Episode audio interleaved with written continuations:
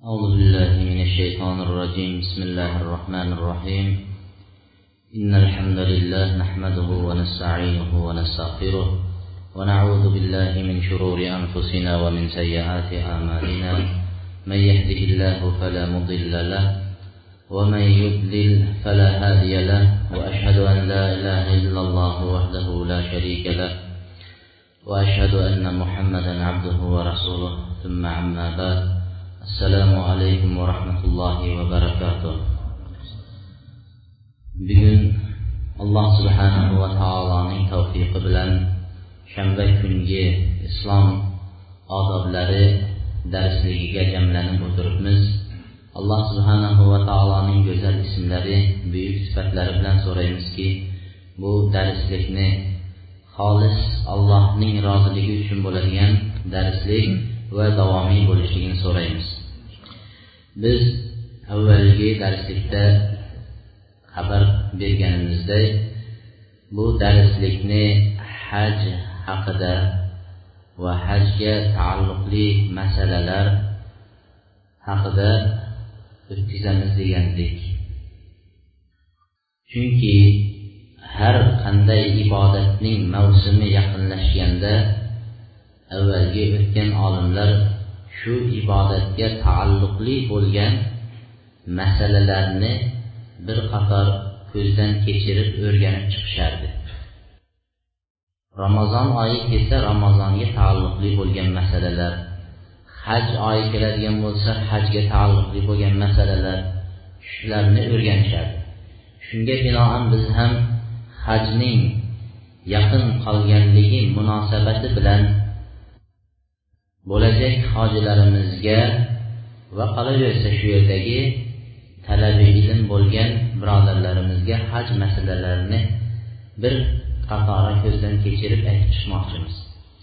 Ikkinchidan biz shu hajda bo'lgan vaqtlarimizda ko'p hajga borgan kishilarning eng katta xatolaridan biri hajga borishdan avval o'sha dars olmaganligi haj to'g'risida eshitmaganligi.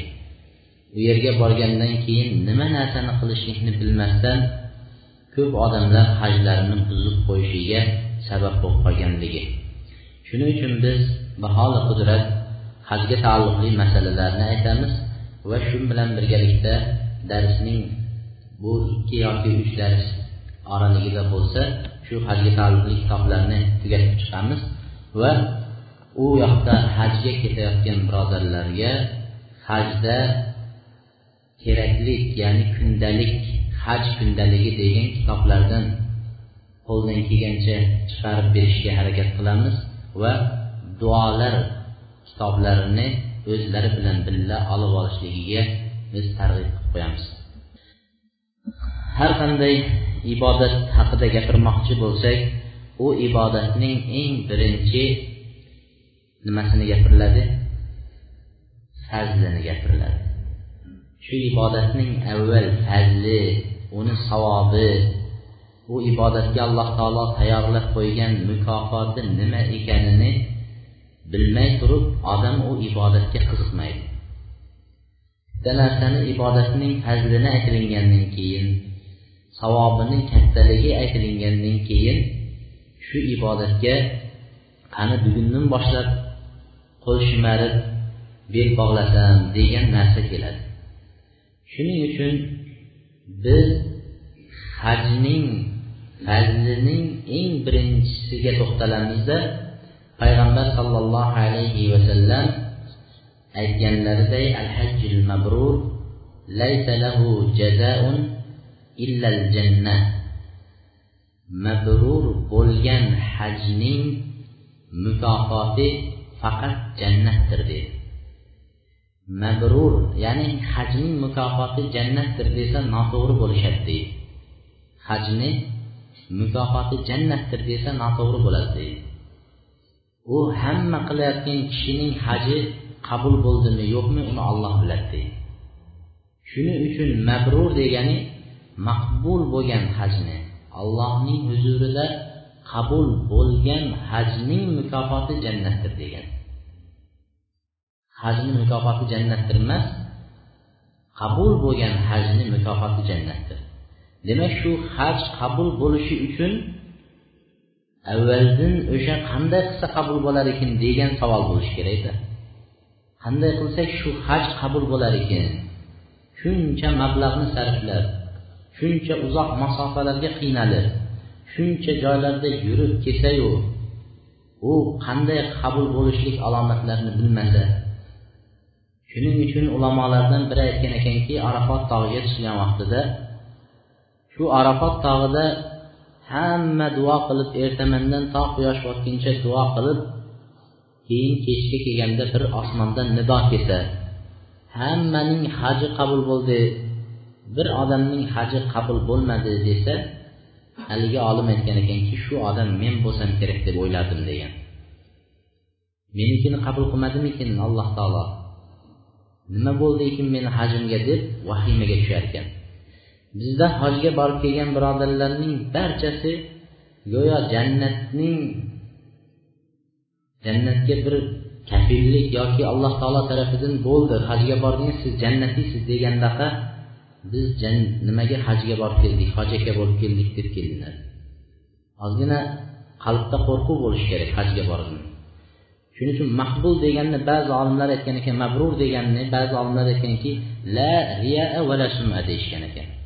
Hajga borib riyo qilmasdan xo'ja ko'rsin qilmay odamlarga shu meni hoj aka desin demasdan suma odamlar eshitsin meni hajga borganimni degan narsalarsiz borib kelingan hajning mukofoti jannatdir deyishgan ekan. Ikkinchisi biz nima uchun birinchi shu hadisni oldik? Eng avvalo hajni demak qabul bo'lgan hajni mukofoti jannat deyilgan bo'lsak endi jannat haqida kichkina tasavvur hosil qilishimiz kerak. Uni qilsa jannat buni qilsa jannatkan deymiz. Lekin nima bo'lyapti biz? Jannatni biz ko'zimizni oldiga tasavvur qilib keltirolmaganimizdan unga oshiqadigan odamlar kam bo'lyapti. Jannatni ko'zimizni oldiga keltirolmaganimizdan namozlarga beparvomiz. Jannatni ko'zimizni oldiga keltirolmaganligimizdan ro'zalarga beparvomiz. Nafl ro'zalar tutishlikdan.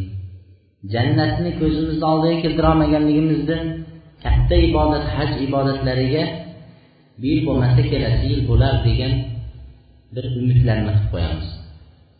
Sahobiylardan biri payg'ambar sollallohu alayhi vasallam bilan bir g'azotda turganlarida aytdiki ya rasululloh shu jannat bilan meni oramni to'sib turgan narsa nimadir dedilar. Deganlarida qo'llarida bir xurmo yeb turgan edi. Xurmoni yeb turganda payg'ambar alayhissalom aytdiki shu yeb turgan xurmong deydi. Agar shu kirib shu yerda o'ldirilganingda sen jannatiy bo'larding deganlarida agar jannatga mana shu xurmoni yeyishlik vaqticha kechikayotgan bo'lsam dedi. Mana shu xurmoni men tashladim dedida tashladida shu g'azobga kirib ketib alloh yo'lida o'ldirilib jannatiy bo'ldi. Shunchalik darajada jannatga uzoq vaqt emas tezroq kirishga harakat qilishgan. Jannatni ular nima qila bilgan yaqqol dunyoni bizlar qanchalik ko'rsak qanchalik dunyoga bizlar ishonsak ular dunyoni aldamchi ekanligiga ishongan. Jannat haqiqiy hayoti tuganmas bitmas mo'minning hovlisi jannat ekanligiga ishonishgan. Shuning uchun abu zar al g'iforiy uylarida hech narsa bo'lmagan edi. Unda bir birodari kelib uyingizda biror narsa asaslaydi uy matolardan biror narsa ko'rmayapman deganlarida biz uy matolarni narigi hovlimizga qo'yib qo'ydik degan. Narigi hovlimizga qo'yib qo'ydik uy matolarini degan. Ya'ni jannatni nazarda tutgan. Shunda har sizni bu dunyoda ham biror narsa qilishingiz uchun kerak bo'ladi shuning uchun biror narsa ushlasangiz bo'lar ekan deganda bu hovlida biror narsa olib kelib bu hovliga yig'ay desam bu hovlining egasi meni qo'ymayapti degan chiqarib yuboryapti degan. Yana alloh taolo bu hovlidan meni ertaga jonimni olib chiqarib yuboradi yig'ganim qolib ketadi degan. Shuning uchun men jannatga u hovliga oxirat diyoridagi hovliga yig'yapman degan. Bir bizni jannatga bo'lgan tasavvurimiz jannatni alloh subhana taolo sifatlagan vaqtida insonni ko'zi ko'rmagan va quloqlari eshitmagan va qalbiga xayoliga ham kelmagan narsalar jannatda beriladi degan. Hayolimizga tasavvur qilolmaydigan. Insonni alloh taolo shunday yaratdi. Ko'rgan narsangizni tasavvur qilasiz xolos. Ko'rmagan narsangizni nima qilasiz? Tasavvur qilolmaysiz ko'rmagan narsangizni tasavvur qilolmaysiz judayam chiroyli bir narsa deb tez yurar ekan desa yo mashinaga tasavvur qilasiz yo boshqa narsaga tasavvur qilib ko'rasiz. Osmonda uchar ekan desa yo qushga tasavvur qilasiz yoki bir samolyotlarga tasavvur qilasiz. Ko'rgan narsamizga tasavvur qilamiz. Ko'rmagan narsamizga bizlar tasavvur qilolmaymiz. Jannat biz tasavvur qilolmaydigan darajadagi ne'mat shunday. Haligi kishini men aytgandim? Yana takrorlaymiz. Haligi ko'r tug'ilgan kishi. Ko'r tug'ilganda ko'zi ko'rmagan ekan dunyoda hech narsani dunyoda biror narsani gapirsa ko'zi ko'rmagan kishi tasavvur qilolmaydi dunyoni shu bir kuni allohni irodasi bilan ko'zi shunday ochilganda shu bir tovuqnimi ko'rib qoldi. Shu tovuqni ko'ribla ko'zi yana ko'r bo'lgan ekan. Shunda nima edi o'sha ko'rganimda yana tovuq deyishgan ekan? Shunda keyin qachon bir narsa aytilsa mashina bir yaxshi mashina chiqibdi desa o'sha tovuqga nechi barobar kelar ekan? der ekan. Tovuq bilan o'lchaydida. Hamma narsani ko'zida ko'rgan narsasi nima qoldi uni? Bitta shu tovuq ko'zini tasavvurida turibdi. Shuning uchun qanchalik katta narsani aytsangiz ham tovuqqa necha barobar ekan kattaligi der ekan. Tovuq bilan o'lchaydi biz ham jannatni shu ko'rishga o'xshab nima qilyapmiz? Dunyo bilan o'lchayapmiz dunyo tovuqcha ham kelmaydigan narsa jannatni oldida. Biz jannatni nima bilan o'lchayapmiz dunyo bilan. Dunyoga qanday ekan bizni uyimizcha bo'larmikin? Jannatda paloncha boyni uyiga o'xshagan qavat qavat uy bo'larmikin? deb dunyodagi boylarni uyi bilan o'lchayapmiz. Biz bitta jannat haqida kelgan bitta hadis bilan to'xtalamizda darsimizga o'tamiz. Payg'ambar sollallohu alayhi vasallamdan vorid bo'lgan hadisda payg'ambar sollallohu alayhi vasallam marhamat qildilar آخر من يدخل الجنة رجل فهو يمشي مرة ويكبو مرة jannatga eng oxiri kirib keladigan kishini xabarini berdi jannatga eng oxiri kiradigan kishi bir qoqilib bir yiqilib jannatga emaklab kirib keladi chunki jannatga kirishdan avval nima sirot ko'prigi jahannam ustiga qo'yilgan sirot ko'prigi bo'ladi. Shu sirot ko'prigidan o'tib kelayotgan vaqtida jahannamning kalalik deydi shu nima qiladigan ilib oladigan ilmoqlar buni pastga qarab tortadi pastga qarab jahannamga qarab tortganida haligi kishi yiqilib ko'prikka osilib ilmoqlar u yog'idan bu yog'idan tortib emaklab zo'rg'a haligi joydan o'tib qoladi. Ba'zi a'zolariga jahannamning pastdagi alangalari borib tegadi shunday bo'lib zo'rga haligi sirotdan o'tgan vaqtida qarab turib haligi jahannamga va sirotga qarab aytadiki allohga hamdu sanolar bo'lsin. Meni sendan qutqazdi der ekan. Jahannamdan qutqazdi. Allohga hamdu sano bo'lsin der ekan. Keyin aytar ekanki laqad a'taniyallohu shay'an ma atahu ahadan minal awwalina wal akhirin. Haligi kishi alloh taolo menga avvalgilarga va oxirgilarga bermagan ne'matni menga berdi derkan o'zi nima qilyapti? Zo'r o'tib kelyapti. Qutulganga shukur qilyaptida. Shu joydan qutulib olganga shukur eng katta ne'matni berdi deydi. Avvalgilarga va oxirgilarga bermagan ne'matni alloh taolo menga berdi der ekan. Shunday deb turgan vaqtida alloh taolo tarafidan shu nariroqda bir daraxt alloh taolo o'sgizib chiqaradi deydi bir daraxt. Shunda aytar ekanki ey robbim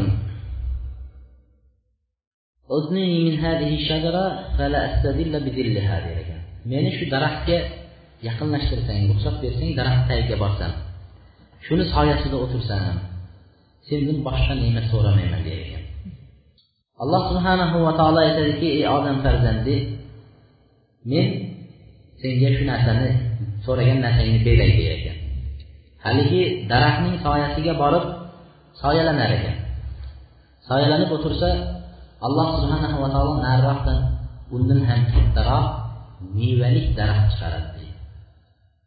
Shunda haligi bandamiz yana so'raymizda.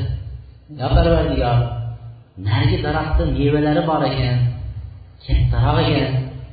Dunyoda ham shundaymizda shu bitta bunaqam bo'lsa bitta ayolim bo'lsa bo'ldi yetardi deydida.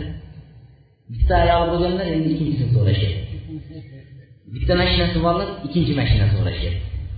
Bitta uyi borlar endi ikkita uchastka bo'lsa deyishyapti. Dunyo shunday. Oxiratda ham bandamiz xuddi shu holat takrorlanadi yo parvardigor meni o'sha ikkinchi daraxtga yaqinlashtirsang shu daraxt soyasida o'tirsam deydi. Alloh subhanava taolo aytar ekanki seni so'ragan narsangni beryapman mayli o'ta qol deydi. Shunda haligi daraxtni soyasiga o'tib soyalanib o'tirgan vaqtida alloh subhanahu va taolo jannatning eshigini oldidan bir daraxt chiqaradi jannatni eshigi ko'rinib turibdi. Jannatni eshigini oldidan daraxt chiqaradi shunda haligi kishi aytar ekanki jannatni hidlari jannatni ichidagi odamlarning xursandchiliklari ovozlari eshitilib turadi. Shunda yo parvardigor shu men shu jannatni eshigini tagida o'tirsam bo'ldi boshqa narsa so'ramayman dedi. Men ahd paymon qilaman shu jannatni eshigini tagida o'tirsam bo'ldi menga endi boshqa narsa so'ramayman desa alloh taolo uni mayli deydi jannatni eshigini tagigacha kelar ekan jannatni eshigini tagiga kelib o'tirsa jannatda hamma kulgan xushchaqchaq xohlagan narsalar bo'lyapti. Bu bir gadoga o'xshab jannatni nimasida o'tiribdi? Eshigini tagiga. Shunda aytar ekanki o'ziga o'zi xo'rligi kelib yo robbiy shuncha jannatni eshigini tagigacha olib kelding shu eshigini ochib ichiga kirib o'tirsam bo'ldi boshqa hech narsa so'ramayman shu ichidan jannatni ichki tarafga o'tiray bo'ldi eshik ochilsa shu ichiga kirsa bo'ldida ha ichiga kirsam bo'ldi boshqa narsa so'ramayman der ekan shunda alloh subhanahu va taolo kular ekan kulib turib aytar ekanki ey bandam der ey bandam kirgin der shunda jannatni eshigi ochilib kirgan vaqtida alloh subhanahu va taolo aytadiki ya ibn adam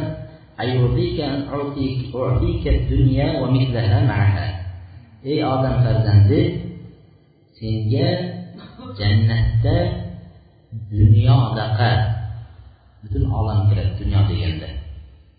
Dunyodaqa va shuning mislicha ba'zi rivoyatlarda dunyoga o'n barobar katta bo'lgan joyni senga bersam rozimisan der ekan dunyodaqa va dunyoga o'n barobar katta kelgan joyni senga bersam rozimisan der ekan degan vaqtda haligi kishi aytadi der ekan sen olamning parvardigori bo'lib olamni robbisi bo'lib turib meni masxara qilyapsanmi yo robbim? der ekan hech narsa amal qilmagan o'zi zo'rg'a osilib sosilib nima qilyapti jannatga kelyapti endi nima deydi alloh taolo dunyodaqa va dunyoga o'n barobar katta keladigan joyni bersam rozimisan desa shunaqa deb aytar ekan deydi shunda payg'ambar sollallohu alayhi vasallam shu hadisni aytib kuldilar shunda sahobiylar yo rasululloh nimaga kulyapsiz deganlarida من رحب رب العالمين حين قال أتستهزئ مني وأنت رب العالمين فيقول إني لا أستهزئ منك ولكن على ما أشق قضيته payg'ambar alayhissalom kulganlarida sahobalar nimaga kulyapsiz yo rasululloh deganda alloh subhanava taologa shunday degan vaqtida alloh taolo kulgan edi deydi alloh taolo kulgan edi haligi bandani aytgan gapiga shundan kulyapman dedilar shunda alloh taolo aytdiki men seni masxara qilayotganim yo'q men olamning robbisiman va xohlagan narsamga qodirman dedi demak jannatda eng manzilasi past odamga berilingan joy dunyo va dunyoga o'n barobar katta bo'lgan joy berilsa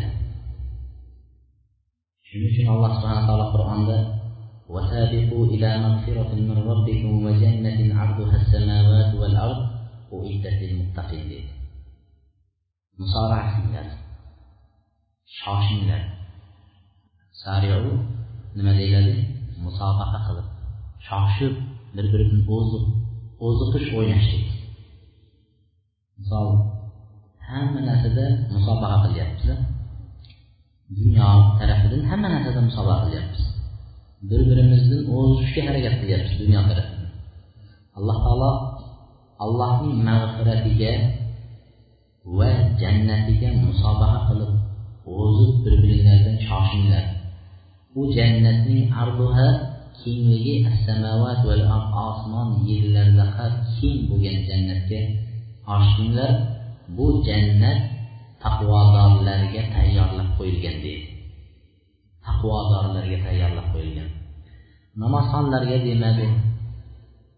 Ro'za tutganlarga demadi. Haj qilganlarga demadi. Kimga dedi? Taqvodorlarga chunki ba'zi odam haj qiladida xo'ja ko'rsinga qilib keladi. Ba'zi odam namoz o'qiydi o'zi hech o'qig'isi kelmasa ham birovlardan uyalib o'qiydi. Mana shunaqa odamlarga yo'q lekin taqvo bilan allohdan qo'rqib shu jannatni umid qilgan kishilar uchun alloh taolo tayyorlab qo'ygan jannatlariga oshiqlik. Endi haqiqatdan ham har bir amalni alloh uchun qilinadigan bo'lsa unga haligi aytgan jannat mukofoti bo'ladi.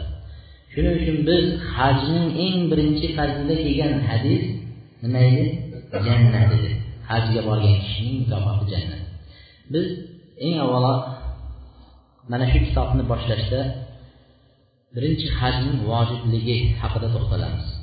Birinchi masala vujubul haj. Haj vojibmi farzmi hukmi nimadir? Hajning lug'atda ma'nosi aslida lug'atda ma'nosi qasd deyishgan ekan lug'atda qasd qilishlik degan baytullohni qasd qilishlik degan maqsad nazarda tutiladi kabani allohni uyini qasd qilishlik shariatdagi ma'nosi hajning shariatdagi ma'nosi اسم لأفعال مخصوصة في أوقات مخصوصة في مكان مخصوصة من شخص مخصوص xos vaqtlarda kabada xos joylarda ado etiladigan fe'llarga ibodatlarga qo'yilgan ism. Haj demak hamma joyda haj bo'lavermaydi. Ba'zi odamlar borib turib buni aytishimizni yaxshi tushunib olishimiz kerak. Hajni shariatdagi ma'nosini aytyapmiz hajning shariatdagi ma'nosi nima deyapmiz? Xos vaqtlarda xos joyga borib xos ibodatlarni qilishlik shunga hajga taalluqli hajga xos bo'lgan ibodatni qilishlik haj deyiladi.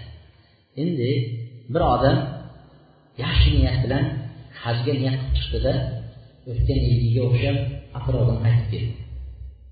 Yoki bo'lmasa arabistonni chegarasigacha borib turib qaytib keldi.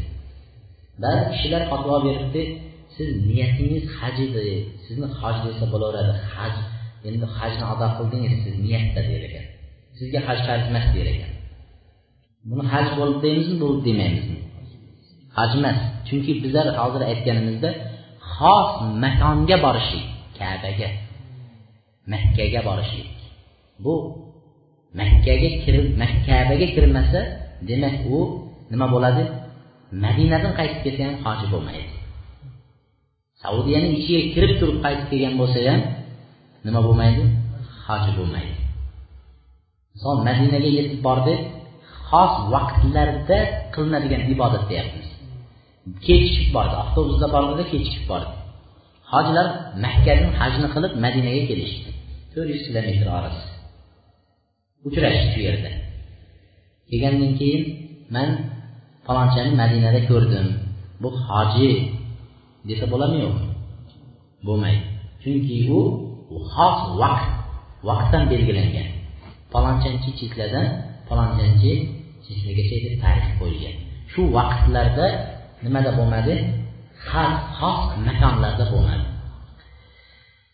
hojning farzligi alloh subhanahu va taolo haj amalini islom arkonlarini beshinchisi qilib qo'ydi birinchisi kalima musulmon bo'lsa keyin namoz ro'za zakot haj alloh subhana taolo qur'oni karimda ولله على الناس حج البيت من استطاع إليه سبيلا ومن كفر فإن الله غني عن العالمين dedi bu nima alloh taolo qattiq oyatda judayam qattiq aytdi olloh uchun insonlarni tepasida baytullohni haj qilishlik farz etildi deyapti uning yo'liga qodir bo'lgan kishilarga dedi yo'liga qodir bo'lgan kishilarga shu yo'liga qodir bo'lgan biza shu yerni olganmiz qachon birovga haj haqida gapirsa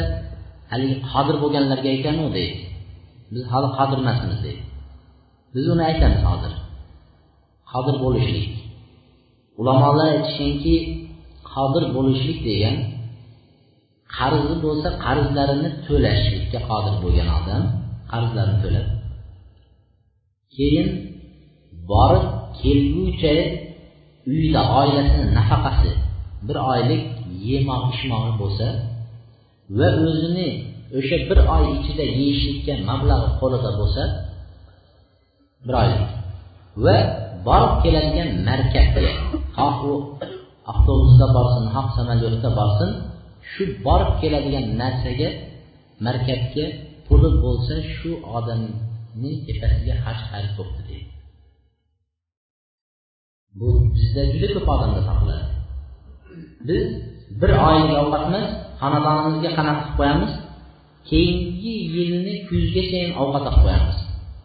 Un bug'doy to'ldirib qo'yamiz. Bir yillik ovqatimiz bor xonadonimizda. Borib kelish mablag'i juda ko'p uylarga qaraydigan bo'lsangiz chiqadi. Uchta to'rtta beshtadan buqqa bor borib kelish mablag'iga yetadi. Shunday kishilarga deydi haj farz bo'ldi degan. Bu birinchisi. Alloh subhana taolo aytdiki kim yo'liga qodir bo'lsa shu kishilarga haj qilishlik farzdir. Alloh taolo keyin shunday qodir bo'lib turib haj qilmayotgan kishilarni alloh taolo nima dedi? Kim kofirlik qilsa dedi. Alloh taolo shu ibora bilan aytdi kim qodir bo'lib turib haj menga hali farz emas men kelasi yil boraman bu yil uncha anaqam yo'q ham yo'q. Bu yil uncha xohlamay turibman. Bu yil ba'zi bir rejalarim bor planlarim bor. Keyingi yilga boraman deyotgan kishilarga vaman kafara degan iborani keltirdi alloh taolo.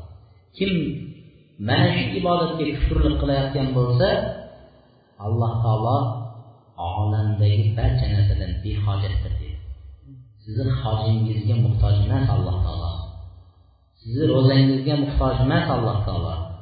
Sizni o'qiyotgan namozingizga muhtoj emas alloh taolo. Sizni imtihon qilyapti. Buyurilgan narsani buyurilgan vaqtda bajaradimi yo'qmi deb imtihon qilyapti. Demak siz shu imtihondan nima qildingiz? Bilmadingiz alloh subhana taolo shunday nima bilan keltirdi? Ibora bilan keltirdi. Bizda yana aytib qo'yishadi. Men hali haj menga farz bo'lmadi deydi nimaga desa mablag' bor. Lekin farzandlarimni uylashim kerak. Qizimni chiqarishim kerak. Farzandimga uy solib berishim kerak. Mana shularni barchasini hisoblaydigan bo'lsa nima bo'ladi? Mablag' yetmayotganday bo'ladi. Shu narsalar hisoblanadimi yo'qmi deydi. Shu narsalar hisoblanadimi yo'qmi desa demak o'sha hmm, boya aytilgan farzandni uylashlik uy solishliklar bular unga kirmaydi.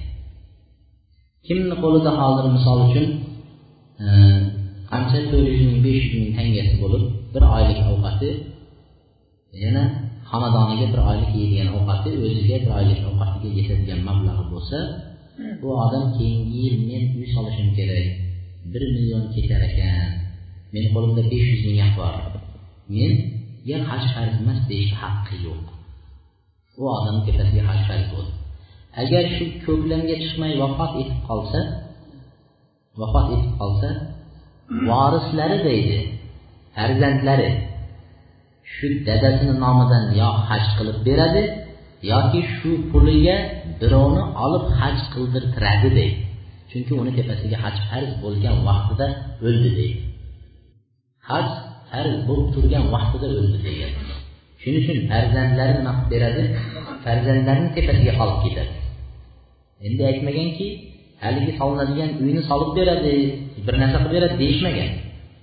Demak farzandlarga uy solish uylashlik joy qilishlik bu otaning farzi deb aytilmaydi. Bu ixtiyordagi narsa. Ixtiyorda ota xohlasa yordam beradi yo'q bo'lmasa farzand o'zi uy joy qilib ketaveradi. Lekin ibodatlar tepaga vojib bo'ladi farz bo'lib qoladi. Hajning farz bo'lganligiga payg'ambar sollallohu alayhi vasallamdan vorid bo'lgan hadisda islom ala xams islom besh narsa ustiga qurilgan dedilar. Shundan biri haj deydilar. Islomni besh narsa ustiga qurilgan shuni biri haj deydi. Yana payg'ambar sallallohu alayhi vasallam aytdilarki ey odamlar alloh subhana taolo sizlarga hajni farz qildi haj qilinglar dedi. Haj qilinglar. Demak alloh taolo nima qilyapti? Buyurgan haj qilishlikka. Hajning fazilatlarini biz birinchisini aytdik. Endi ikkinchi fazilatlariga ikkinchi nima? Hajni ikkinchi fazilati abu hurayra roziyallohu anhu aytgan hadisda man hajja hadal bayta va lam yarfut va lam yarfut va lam yafsuq raja'a kama kim baytullohni haj qilgan bo'lsa u yerda behuda gaplarni gapirmasa nikohga taalluqli bo'lgan masalalarni gapirmasa insonni shahvatga chaqiradigan masalalarni gapirmasa fosiq kalimalarni ishlatmasa biz o'rganib qolganmiz so'kinishlarga so'kingan vaqtda yana judayam fosiqcha so'kinishlarga o'rganganmiz. Mana shu kalimalarni ham ishlatmasa hajda uni onasidan tug'ilgan chaqaloqdagi gunohsiz qaytadi deydi shu hadisga men juda hayron bo'lardim. Nima uchun? Kim haj qilsa onasidan tug'ilgan chaqaloqdaka bo'ladi deb qo'ya qolmagan shu narsalarni keltirgan desam hajda juda ko'p uchraydi. Hajga borgan birodarlarimiz mana hajda alloh taoloni imtihoni to'rt million xalqni ichiga tushgan vaqtda haligi shayton ham shu yerda harakat qiladi. Hajni buzishga so'kinish baqirish yundalash mana shunday narsalar sodir bo'ladi hajda hajni nima qiladi shu bilan buzadi. Hajni buzadi. Shuning uchun payg'ambar sallallohu alayhi vasallam so'kilmasa fisq kalimalarni ishlatmagan bo'lsa hajda onasidan tug'ilgan chaqaloqdagi bo'lib qaytadi dedilar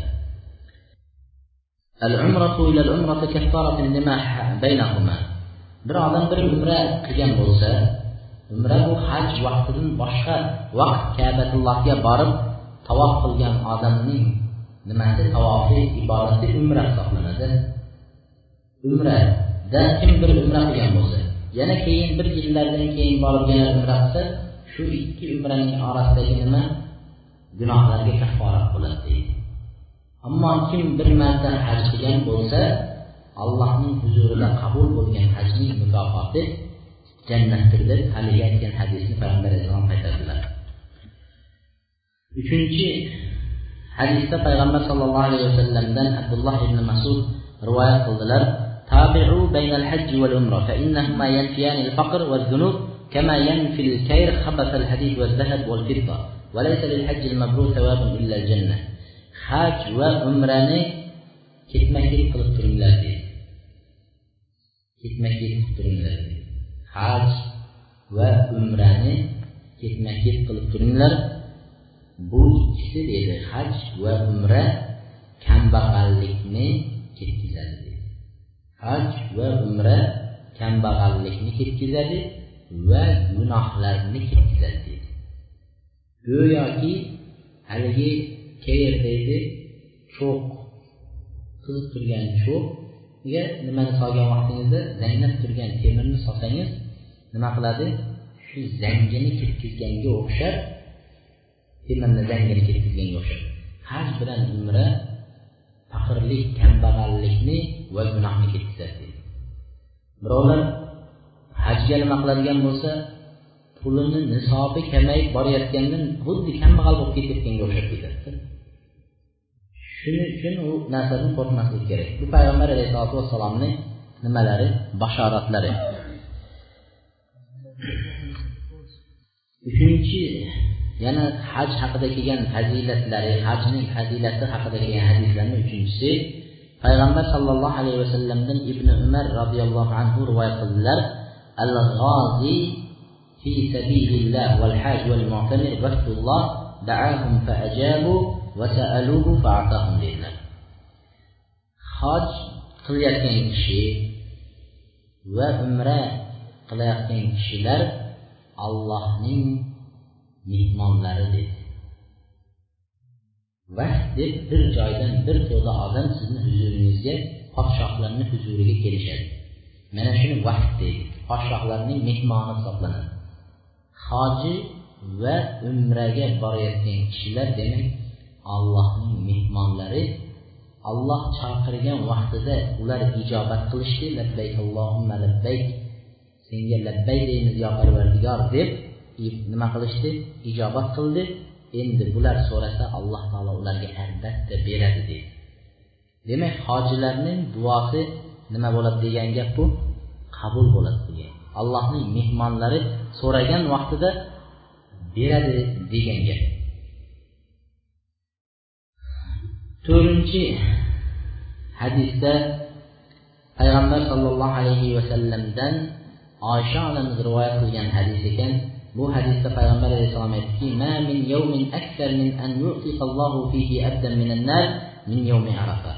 alloh taolo jahannamdan eng ko'p odamlarni ozod qilgan kuni arafa kuni bo'lar ekan. Arafa kuni. Hojilar arafat tog'ida turgan kuni. Peshin namozidan tortib to shom namozigachayin duo qiladi. Duo qiladi.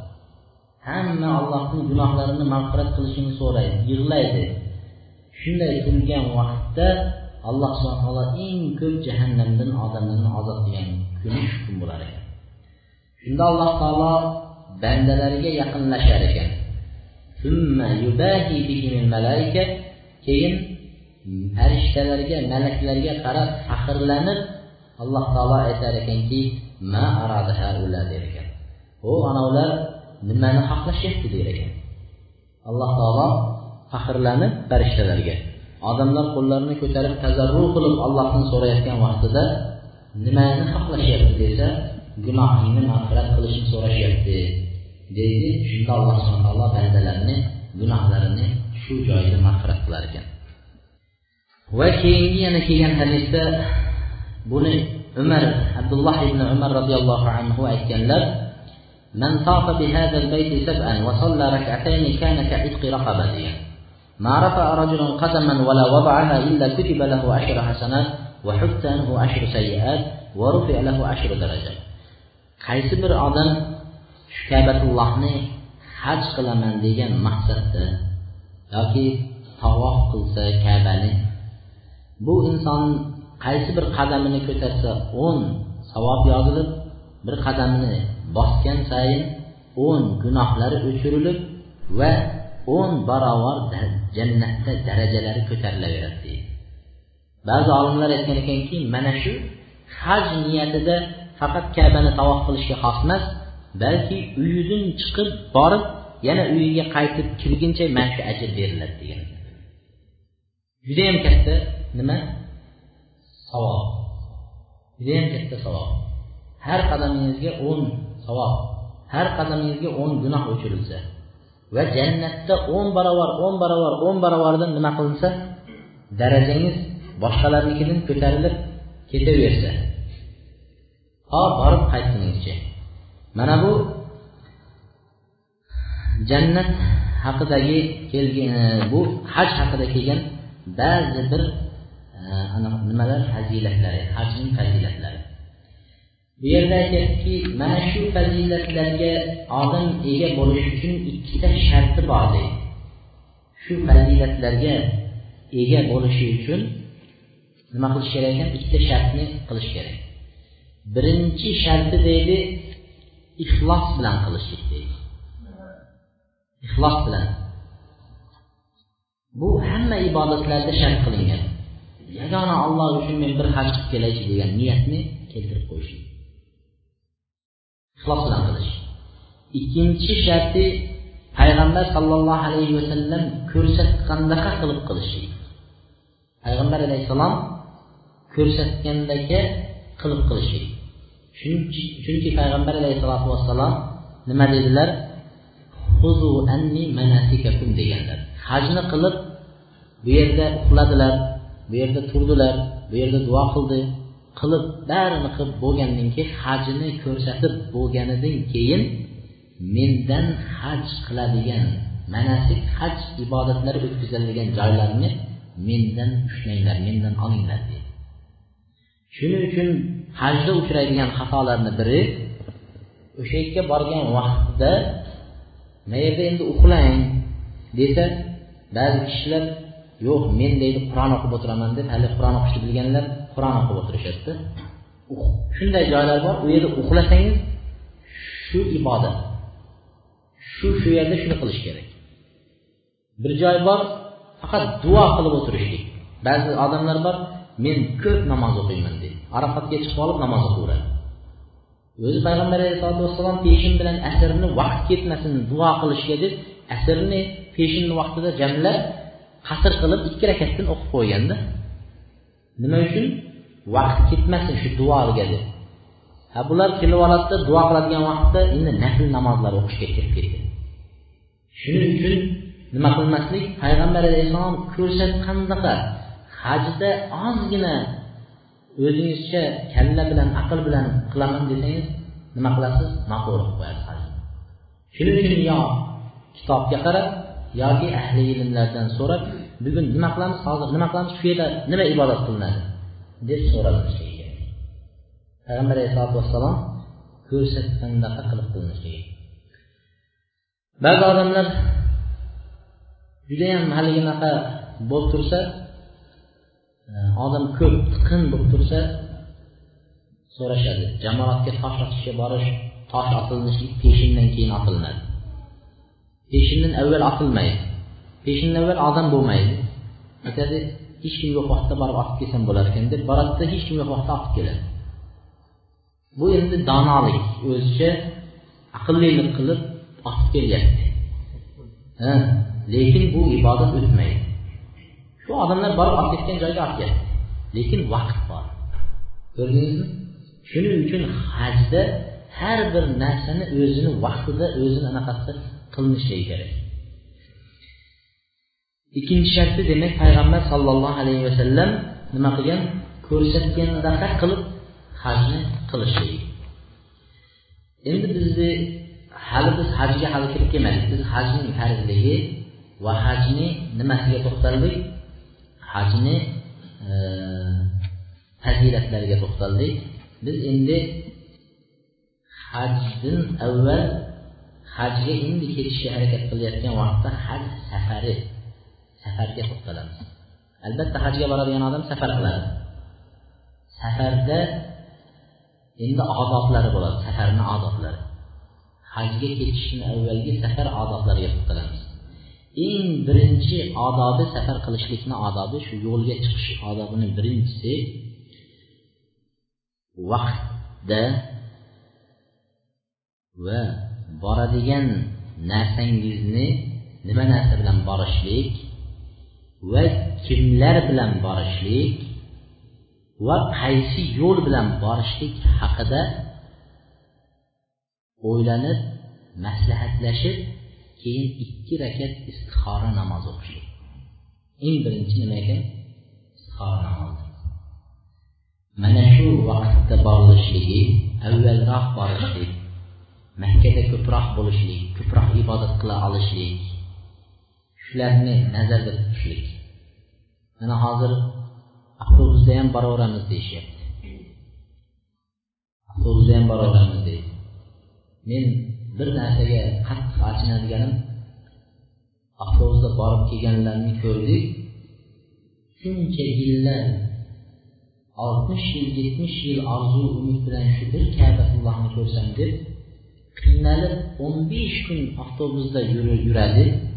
Qiynalish o'n besh kun yurib boradida shu zo'rg'a arafot tog'iga yetib boradi.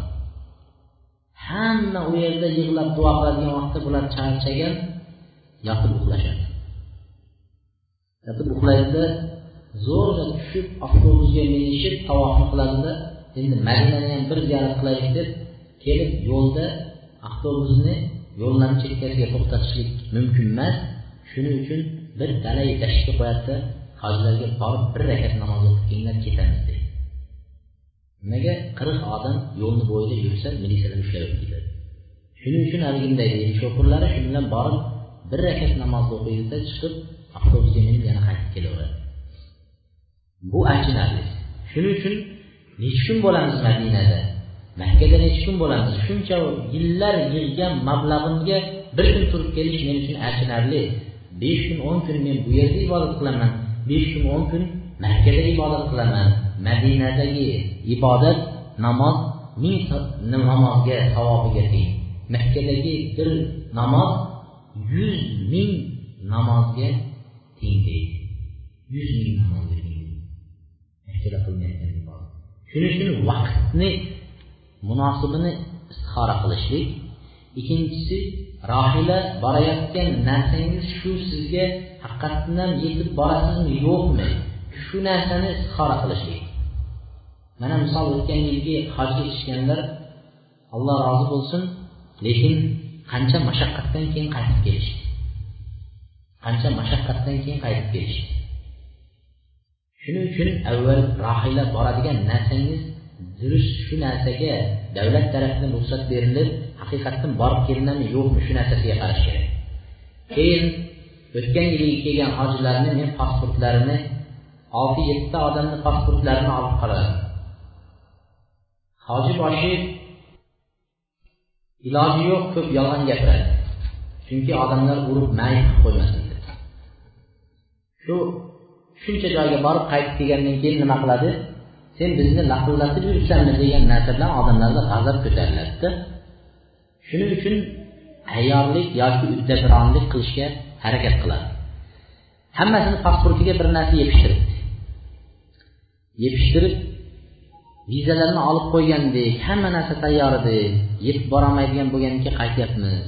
Mana shu vizalarga to'lab men shuncha chiqim bo'ldim endi deb hali nima qilsa odamlarni rahmi kelib ketadida. Yepishtirgan vizasini qarasam muassasa turkiya deb qo'ygan bir nakleyka yepishtirib qo'ydi haj vizasi emas u. U turkiya kompaniyasi degan bir nakleyka yepishtirib qo'ygan. Olti yetti odamniki bir xil. Mana bizda vizalarimiz bor edi o'tgan yil borolmay qoldik deyapti shunaqa narsalarga tushib qolmaslik kerak. Shuning uchun nima? Rohila haqiqatdan olib borayotgan narsa yetib boradimi yetib bormaydimi shu narsa sizga durustmi durust emasmi uchinchisi ar rafiq siz bilan birga ketayotgan sheriklaringiz shu yoqda bozor aylanadigan sayohat qiladigan sheriklarmi yoki bo'lmasa ular ibodat qiladigan sheriklarmi yoki bo'lmasa uxlaydigan sheriklarmi qarash kerak. Odam sherikka nima bo'ladi? Sherigini ta'siri bo'ladi. Demak shu istihora birinchisi. Ikkinchisi yajibu alal haj val mu'tamir an yaqsid bi hajjihi va umratihi vajhalloh ikkinchisi hajga ketayotgan kishi safar odoblarini ikkinchisi safardan avval faqat shu safarimda borib kelgunimchayin hech ko'nglimga nimani olmayman? Bu odamlarning maqtovi hojaga degan narsasi kerak emas. Yolg'iz ollohni roziligi uchun borib kelaman degan maqsadni ko'ngliga tugishligi uchinchi odobi safarga chiqayotgan vaqtdagi uchinchi odobi safarga borishdan avval haj safarga borishdan avval nimani o'rganishlik? Haj va umra hukmlarini ahkomlarini fiqh masalalarini o'rganishlik. Shu narsani aytib qo'yayki biz har yili hojilar kelishdan avval uch oy tayyorgarlik ko'ramiz hojilarga rosa tayyorgarlikni ko'rib olti yetti sakkiz kitoblar o'qib chiqamiz. Bilmagan joyimizni ulamolardan so'raymiz. So'rab mana bu yil inshaalloh hojilar kelsa biron masala qolmasdan javob bersak kerak deymiz endi o'zimiz. Hojga kirgan vaqtimizda shunday masalalar chiqadi mutlaq uni javob topolmaymiz iloji yo'q olimlarga telefon qilib mana shunaqa bo'lyapti nima deysiz so'rashga majbur bo'lamiz shuning uchun haj masalalari nima? O'rganilishi kerak avvaldan avvaldan o'rganilishligi kerak. Biz avvalgi nimada aytdikki imom molik rahimaulloh ayollarga taalluqli bo'lgan masalalarni uzrli holatlarni boshqalarni nima qilgan ekanlar? Sakkiz yil to'qqiz yil deganda o'rgandim degan to'qqiz yil shuni o'qigan shunday nimalar bo'ladi? Bizni nimamizda uchragan voqeani biri bir ayol hajga borganda uzrlik holatga uchraydi tavof haj tavofini qiladigan vaqtda oxirgi tavof hajning farzlarining biri tavofil ifoda. Haj tavofi keyin biri esa eng oxiri hajdan qaytayotganda kabatulloh bilan vidolashish tavofi deydi. Vidolashish tavofini qilmasangiz zarar bo'lmaydi lekin haj tavofini qilmasangiz haj qabul bo'lmaydi. Shu uzrli bo'lganda mana shu o'zimizni shu yerlik ayol. Uzrli bo'lib shunday tavof qilmasdan madinaga kelib madinadan samolyotda uchib ketib qolgan. Bu ayol ketganidan keyin bu xabarni men eshitib qoldim. Keyin men darrov shayxlardan so'radim ustozlardan so'radim. Shunday bo'libdi desam u ayol ehromda turgan holatda bo'laveradi dedi uyiga borsa ham qaytib kelib o'sha haj tavofini qilib ketish kerak dedi. Agar eri bo'ladigan bo'lsa u ayolga yaqinlik qilishga mutlaq bo'lmaydi dedi. Mutlaq bo'lmaydi har bir yaqinlik qilgan vaqtida fidya berishlik vojib bo'ladi haj qaytadan qilib berish vojib bo'lib qoladi. Haj buziladi. Mana shu ahkomlarni o'rganmasdan borib olib hajni buzib bu yoqda uni ustiga yanayam battar gunohlarni orttirib nima bo'lyapti? Shuning uchun hajdan avval nima qilishlik? Uchinchi odobi safar odobi hajdan avval darslarga qatnashish o'rganish haj anaqalarni so'rashlik. To'rtinchi odobi safarga chiqishdan to'rtinchi odobi barcha gunohlarga inson tavba qilishligi. Jami gunohlarga tavba qilishlik buni nima uchun aytyapmiz? Tavba qilish deganda nima ikki xil bo'ladi. Allohning haqqidagi bo'lgan gunohlar bandalar haqidagi bo'lgan gunohlar. Allohning haqqidagi bo'lgan gunohlarga istig'for aytib tavba qilib mana shunday gunoh qilibman mana shunday gunoh qilibman deb istig'for aytsa kifoya. Ammo bandaning haqqida bo'lgan gunohlarni o'tab bermasangiz bo'lmaydi. Birovni haqqini yegan bo'lsangiz birovni molini olgan bo'lsangiz hajdan ketishdan avval borib birodar mana shu haq sizniki edi menga o'tib ketgan ekan mana shu haqni nima qilib qo'yishim kerak? deydi ado etib qo'yishim kerak. deydi agar birovning haqqini yeb qo'ygan bo'lsa lekin bir necha yillar o'tib ketgan haqni egasi kim ekanini tanimaysiz. Durustmi shunday uchrashi mumkin. Haqni yeb qo'ygansiz birovlarni haqqini lekin egasini topolmaydigan bo'lsangiz o'sha haqning miqdori nima qilinadi o'zingiz taxmin qilasiz. Nechi pul yeganligingiz va o'shaning nomidan sadaqa qilib yuborasiz. O'shani nomidan sadaqa qilasiz. Qiyomat kuniga borgan vaqtda alloh subhanava taolo u bandaga ixtiyor berar ekan. Xohlasa o'sha savobni olishlik xohlamasa siz shu oxiratda o'zingizni savobingizni berib u haq sadaqa qilgan nimangiz o'zingizga qaytib keladi. Shu bilan o'shani haqqini ado etdi deyilar ekan. Demak uni nomidan nima qilinadi? Sadaqa qilib yuborasiz tavba shu bilan bo'ladi. Demak safarga chiqishdan avval allohning haqqidagi gunohlarga istig'for tavba qilishlik va bandalarni haqlarini ado etib qo'yishlik.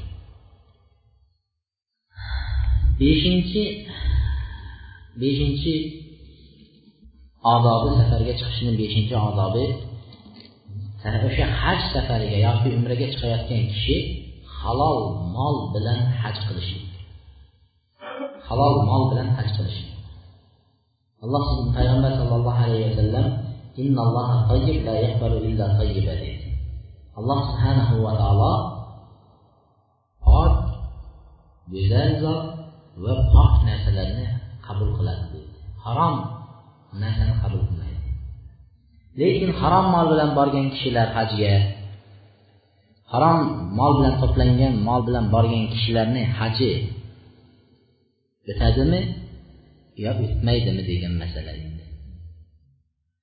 Harom mol bilan borgan kishining islom haji o'taveradi deyishadi. Ikkinchi marta qaytadan halol mol yig'ib borish shart emas deyishadi. Harom mol bilan borgan bo'lsa ham haji islom hajini ado etdi deydi. Lekin halol mol bilan borish kerak deyishdagi maqsad u asosiy hajdan maqsad nima? Duolar qilish. Parvardigoro deb arafat tog'ida turib duo qilishlik arafat tog'ida. Mana payg'ambar sallallohu alayhi vasallam arafat tog'iga kelgan vaqtda peshin namozini o'qidida shunda tikka turganidan to shom vaqtigacha o'tirmadi ham dam olmadi ham bir narsa yemadi ham ichmadi ham shunda sahobiylar payg'ambar alayhissalom arafat kuni ro'za tutib olibdimikin degan narsaga keldi. Ixtiloflashdida bugun ro'za tutish kerakmikan? Payg'ambar alayhissalom hech narsa yemayapti ichmayapti deganda bir ayol sut olib keldilar payg'ambar alayhissalomga. Sut olib kelganlarida payg'ambar alayhissalom sutni oldilarda ichdi. Shunda ma'lum bo'ldiki payg'ambar alayhissalom ro'za emas ekan. Nimaga nima qilyapmiz? Peshindan shomgacha tikka turib duo qilishlik belingizni uzib yuboradi.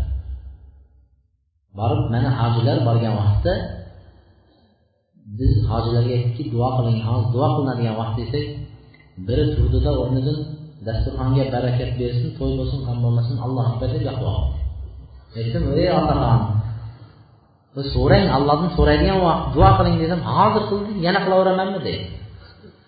Duo qilishni bilmaymizda allohdan so'rashni bilmaymiz.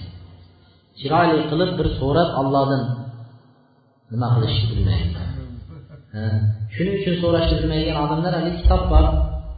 Duolar anaqasi chiqarilgan kitob shuni olib oladigan bo'lsa o'zi bilan birga hajda shu kitobni ham o'zbekcha anaqasida chiqargan ma'nosi bilan ham arabchasini kiril harfida yozib qo'ygan unisini o'qisa bunisini o'qisa ham allohga munojat qiladida.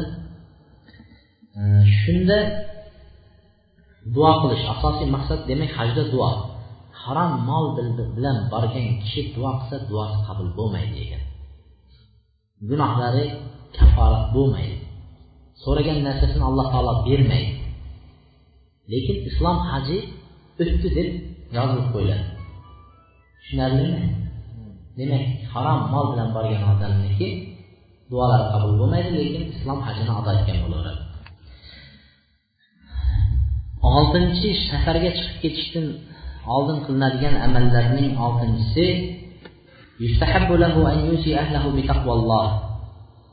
ahliga bu tashlab ketgan xonadonda qolayotgan kishilarga allohdan taqvo qilishlikka vasiyat qilishligi allohni taqvo qilinglar deb vasiyat qilib ketishligi alloh taolo qur'oni karimda sizlarga va sizlardan avvalgi ahli kitoblarga biz aytgan vasiyat qilgan narsamiz allohdan taqvo qilinglar deb vasiyat qildik deydi allohdan qo'rqin allohdan taqvo qiling degan kalimalarni aytishlik yettinchi yettinchi odobi يستحب له أن يجتهد في اختيار الرفيق الصالح hajga ketayotgan kishilar bir kishi aytadi men deydi arabistonga borib anaqa qilib kelaman deb aytganda arab tilini bilasizmi? deb so'rasak arab tili deydi meni cho'ntagimda deydida. Cho'ntaging bo'lsa hamma narsa bo'laveradi degan gapni aytyapti. Bu narsa noto'g'ri narsa. Pulni bo'lishligi o'zi kifoya qilmaydi. Solih rafiq sheriklar yoki bu yerga keltirgan talabi ilmlar shariatni biladigan dinni hukmlarini biladigan tolib ilmlar bilan birga bo'lishlik kerak. Haj vaqtida shunaqa odamlarni o'zingizni yoningizga birga olib birga yursangiz qanaqa masala chiqib qolsa nima qilasiz? Darrov shulardan so'rayverasiz. Payg'ambar sallallohu alayhi vasallam aytganlarki الرجل على دين خليله فلينظر أحدكم من يخالله لا تصاحب إلا مؤمنا ولا يأكل طعامك إلا تقي kishi do'stini dinida bo'ladi kimga do'stlashayotganliginglarga bir qaranglar degan ya'ni sherigingizni dinida bo'ladi degan sherigingiz musulmon bo'lib taqvodor bo'lib tunlarda namoz o'qisa siz ham turib namoz o'qiysiz sherigingiz uxlayveradigan bo'lsa halol haromni farqi bo'lmaydigan bo'lsa siz ham o'shanga qarab turib bir xil bo'lib ketaverasiz sakkizinchi odobi manzildan chiqayotgan vaqtda bu faqat hajda emas bu doim buni yodlab olishimiz kerak. Uydan tijorat uchun chiqadigan bo'lsak ham biz hozir safar odobini aytyapmiz safar hajga bo'lsin boshqa narsaga bo'lsin baribir shu odoblar ketaveradi. Manzildan chiqayotgan vaqtda uydan chiqishlik odobini uydan chiqishlik duolarini aytishlik. Uydan chiqayotgan vaqtda bismillah tavakkaltu alalloh va la havla va la quvvata illa billah اللهم إني أعوذ بك أن أضل أو أضل أو أذل أو أزل أو أظلم أو أظلم أو أجهل أو يجهل علي degan duoni o'qib chiqishlik har kuni uydan chiqayotganda bozorga kirib ketsangiz ham demak uydan chiqishlik duolarini aytib qo'yishlik hech bo'lmaganda qisqartirib aytsangiz bismillah tavakkaltu alalloh deb turib vala havla vala quvvata illa billah deb uydan chiqishligi va to'qqizinchi odobi safarga chiqqan vaqtda markabga minganingizda markabga minganda o'qiladigan duolarni yodlab o'shalarni o'qishlik safarga tayyorgarlik ko'rishlik haj safariga. Demak allohu akbar allohu akbar subhanallazi sakhkhara hada va ma kunna lahu muqrinin va inna ila robbina lamunqalibun. اللهم إنا نسألك في سفرنا هذا البر والتقوى ومن الأمل ما ترضى. اللهم هون علينا سفرنا هذا واطوي عنا بعده. اللهم أنت الصاحب في السفر والخليفة في الأهل والمال والولد دبترب mana shu duoni nima qilishlik o'qishlik biz bu duolarni ma'nolariga to'xtalmayapmiz bu duolarni duolar qo'rg'onidan topishinglar mumkin demak uydan chiqishayotgandagi o'qiladigan duolarni yodlashlik markabga ya'ni mashinaga samolyotga minayotganda o'qiladigan duolarni hozirdan yodlab tayyorgarlik ko'rishlik. Safar odoblari. O'ninchi odobi safarga chiqqan vaqtda besh olti odam bo'ladigan bo'lsa birini amir qilib qo'yish. Birini boshliq qilib ichida saylab olishlik shu kishini gapiga doim itoat qilib shu kishini gapi bilan nima qilishligi yurishligi safar odoblaridan bo'ladi. Payg'ambar sallallohu alayhi vasallam aytdi uch odam safarga chiqadigan bo'lsa birini boshliq qilib saylab olsin dedi bo'lmasa uchalasi uch tarafga qarab topib ketaveradi uchalasi uch bir biriga nima qilmaydi? Ittifoq qilmaydi. Shuning uchun safarga chiqqan vaqtda nimani saylab qo'yishligi? Bitta amirni saylab qo'yishligi. Payg'ambar sollallohu alayhi vasallam safar o'n birinchi odoblari safarga borgan vaqtlarida bir manzilga tushganda jamlanishlik deydi. Bir joyga tushsa jamlanish. Bizda anaqasi e, borsak hojilar borgan vaqtida shu yotoqxonalarga kirib gostinisalarga kirgandan keyin shoshib kampirlarni chollarni tepalab yugurib birinchi xona izlashadi. Xonalarga kirgan vaqtda yolg'iz yopilgan xona izlashadida bir o'zi yotsa bir mana qilib deydi ikki kishilik xona izlaydi. Asli bemalol dam olsin deydi lekin keyin katta besh kishilik o'n kishilik odam bo'lsa ham o'sha yerga joylashsa ham sunnatga muvofiq bo'laverar ekan. Jamlanishlik deyaptida. Payg'ambar alayhissalom aytdilarki bir kuni manzilga bir joyga tushgan vaqtda sahobalar u yerga bu yerga o'zlari xohlagan joylariga o'rin qilib yotishib olganda payg'ambar alayhissalom aytdiki sizlarni mana shunday tarqab ketishinglar shaytondan deydi shayton bo'lib tashladi sizlarni dedi deganidan keyin shuni uyog'iga sahobiylar jamlansalar bir kiyimni yeb qo'ysa shu kiyimga joylanadigan darajada jamlanishib o'tiradi deydi ya'ni qisilib o'tiradigan qisilib yotadigan bo'lib qoldi degan.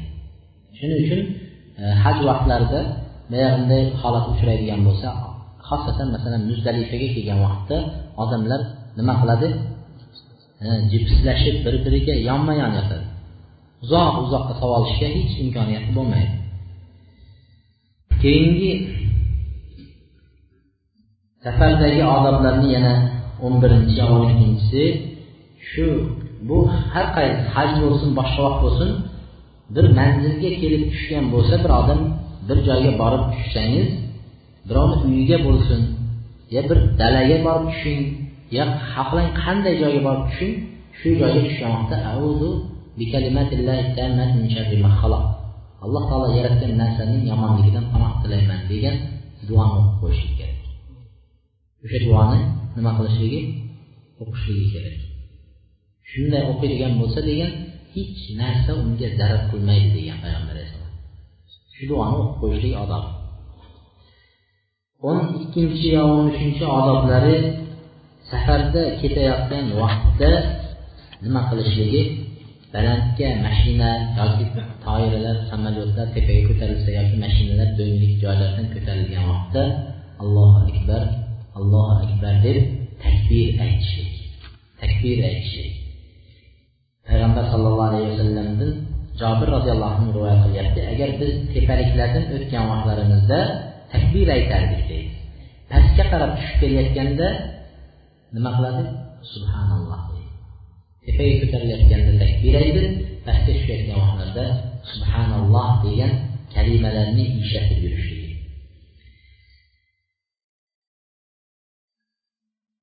o'n uchinchi odobi va o'n to'rtinchi odobi bir shaharga kirib kelganda mana bu duoni aytib o'qishlik deydi اللهم رب السماوات السبع وما أذلنا ورب الأرضين السبع وما أقللنا ورب الشياطين وما أضللنا ورب الرياح وما ذرينا أسألك خير هذه القرية وخير أهلها وخير ما فيها وأعوذ بك من شرها وشر أهلها وشر ما فيها deb shu duoni bir qishloqqa kirib kelgan vaqtda shu duoni o'qishlik safarda yurgan vaqtda o'n beshinchi odobi safarda yurgan vaqtda ko'p duo qilib og'zini allohni tilini allohni zikridan qoldirmasdan duo qilib yurishlik bizda safarda yuradigan bo'lsa nima qilamiz? Gap yo'lni kesadi deb qo'yamizda suhbatlashib gaplashib shu tezroq yo'l masofa o'tishini nima qilib suhbatga nima qilamiz? Shuning uchun safarda yurgan odam ko'proq zikr bilan duo bilan bo'lishlik nimaga desa uch kishining duolari qaytarilmaydi ijobat bo'ladi degan. Shularning birisi musofirning safarda yurgan vaqtida qilgan duosi qabul bo'ladi deydi musofirni safarda qilgan duosi qabul bo'ladi deydi besh o'n oltinchi odobi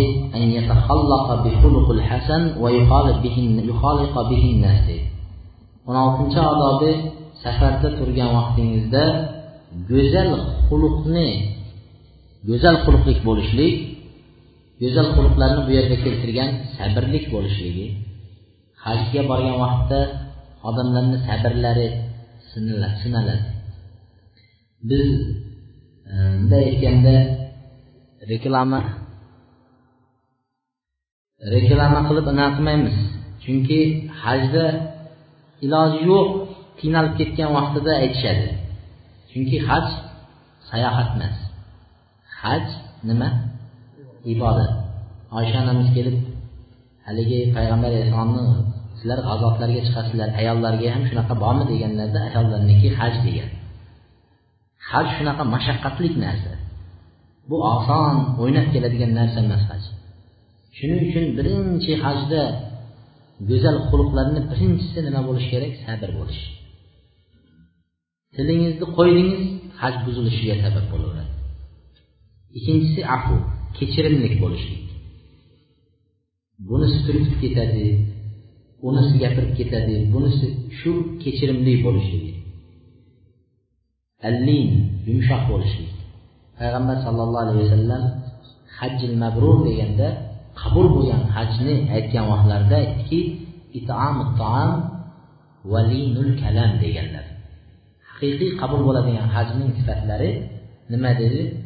Ko'p taom berishlik va gapni tilni muloyim qilishlik hajda eng uchraydigan narsa odamlarni birinchi chiqadigan to'poloni ovqatdan chiqadi. Nimaga deydi arafotga deydi ovqat olib kelmayapsizlar deydi. Nimaga deydi minoga ovqat olib kelmayapsizlar deb ovqatdan chiqadida? Itom kasratul itom bir birlariga taom berib yedirish mana shu xislatni olish. Ikkinchisi linul kalam. Tilni judayam muloyim qilishlik mana shu hajni qabul bo'lish alomatlari shuning uchun payg'ambar sallallohu alayhi vasallam go'zal xulq haqida aytdiki qiyomat kunida menga eng sevikliginglar va menga yonimda majlisda eng yaqin o'tiradiganinglar go'zal xulqliinglar deydi. Go'zal xulqlilaringlar meni yonimda bo'ladi deydi qiyomat kuni. Chunki payg'ambar alayhisalotu vassalomni o'zlari go'zal xulqli bo'lgani uchun yonida go'zal xulqlilar bo'lishligini aytdi. Hajdan qaytgandan keyin musofirning o'n yettinchi odobi hajdan yoki har qanday safardan qaytganidan keyin to'g'ri qayerga keladi? Uyiga keladi to'g'ri masjidga uyining yonidagi masjidga kirib ikki rakat namoz o'qib keyin uyiga kirishi mana shu sunnat bizda yo'q bo'lib ketgan sunnatlarni biri qaytib kelgan vaqtlarida nima qilinishligi uyni yonidagi masjidda mahalla masjidlariga kirib ikki rakat namoz o'qib keyin uyiga kirishligi. Bu payg'ambar sallallohu alayhi vasallamni sunnatlari ekan. O'n sakkizinchi odobi hajdan kelgandan keyin bizda nima qilamiz? Xudoyi qilib qo'yamiz. Xudoyi qilamiz birovlar xudoyi qilsa bo'lmaydi deydi. Birovlar xudoyi qilmasa bo'lmaydi qilish kerak deydi. Qaysinisini qilamiz endi? Qilsak odamlarga hoji mana hajga borib ketdi deb ko'rishayapmiz eshitiryapmiz qilmasak ko'nglimiz to'lmayapti. Qanday qilamiz endi? Hech kim tanimayapti. Qilamizmi qilmaymizmi qilmaymiz nega qilmaymiz ana haj baba qilganda hajdan kelganda qilgan endi shuni bir narsa deb qolmasin deb nega qilmaymiz deyapti hajdan kelgandan keyin qilsa bo'laveradi ba'zi bir birodarlar hajdan keyin xudoyi qilishga bo'lmas ekan deb turib to'polonlar chiqarganda hajdan qaytib kelgandan keyin bir qo'y so'yib yo bir nima so'yib ehson qilib bersa bo'laveradi. Payg'ambar sallallohu alayhi vasallamdan jobir roziyallohu anhu rivoyat qildilar. Payg'ambar alayhissalotu vassalom e, madinaga qaytib kelgan vaqtlarida safardan kelgan vaqtlarida nahara juzuran av baqara degan ekanlar. Bir tuya yoki bir sigir so'yib ehson qildi degan. Shunda bir qo'y so'yyapmiz xolos. Bir nima so'yib ehson qildi deyapti yana boshqa bir nimalarda E, zada muaz muaz aytyaptiki shuba an muharibdin keltirgan hadislarda jabir roziyallohu anhudan eshitdim. Mendan payg'ambar sallallohu alayhi vasallam bir tuyani deydi ikki dirhamga yo sotib oldilar deydi. Siror degan joydan payg'ambar alayhissalom qaytib kelgan vaqtlarida nima qildi? Shuni so'yishlikka buyurdi deydi.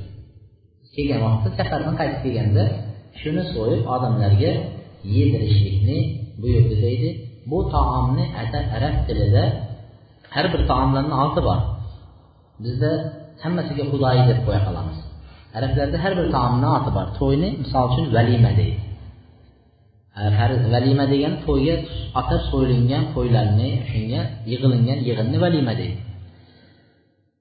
Bola chaqaloq tug'ilgan vaqtda atab qilingan xudoyi bizdaya u ham xudoyini aqiqa deydi.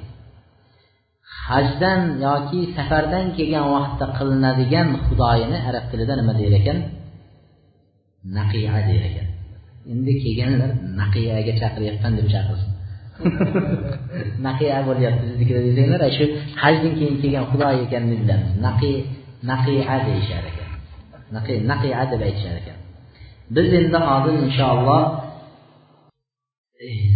yo'q hajning haj va umraning vaqtlari va qilinadigan e, miqot deydi.